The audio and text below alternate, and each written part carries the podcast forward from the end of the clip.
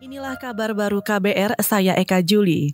Kepolisian Indonesia menyatakan kewenangan berlebihan yang dilakukan penyidik senior KPK Novel Baswedan adalah dalam penanganan kasus. Juru bicara Polri Asep Adi Saputra mengatakan, kesimpulan itu didapat dari penyelidikan dan penyidikan, termasuk keterangan dan alibi para saksi. Adanya suatu kelebihan dalam kewenangan itu adalah merupakan bagian analisis yang kemudian menghasilkan probabilitas kemungkinan-kemungkinan akan terjadinya peristiwa tersebut.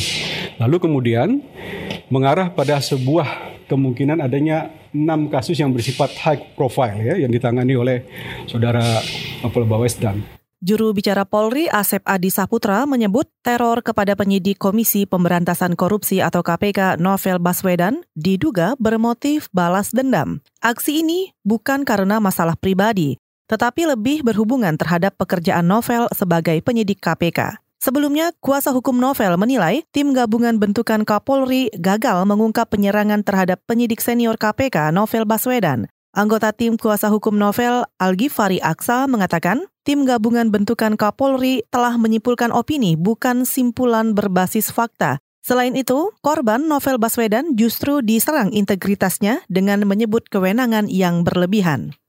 Majelis Ulama Indonesia atau MUI mengakui adanya pemungutan biaya untuk membuat sertifikasi halal sebuah produk. Direktur Lembaga Pengkajian Pangan, Obat-obatan, Kosmetika atau LPPOM MUI, Lukmanul Hakim mengatakan, proses pengkajian, survei, verifikasi, administrasi, audit hingga pengeluaran sertifikasi halal memerlukan biaya.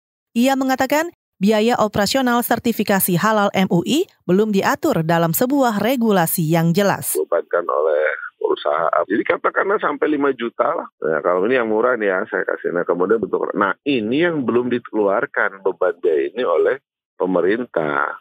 Transparansinya belum belum belum jelas gitu loh.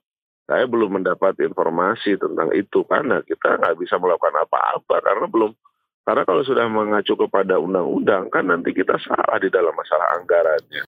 Direktur LPPOM MUI Lukmanul Hakim menambahkan, pemerintah hanya membiayai beberapa jenis sertifikasi halal produk, seperti produk untuk program UKM.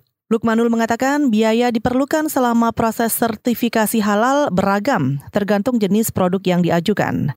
Sebelumnya, warga negara Jerman Mahmud Tatari melaporkan MUI dan warga negara Selandia Baru Mahmud Abu An-Nasir yang diduga meminta uang sebesar 50 ribu euro atau 780 juta rupiah. Uang itu untuk perpanjangan akreditasi pemberi sertifikat halal bagi lembaganya di Jerman pada 2016 silam.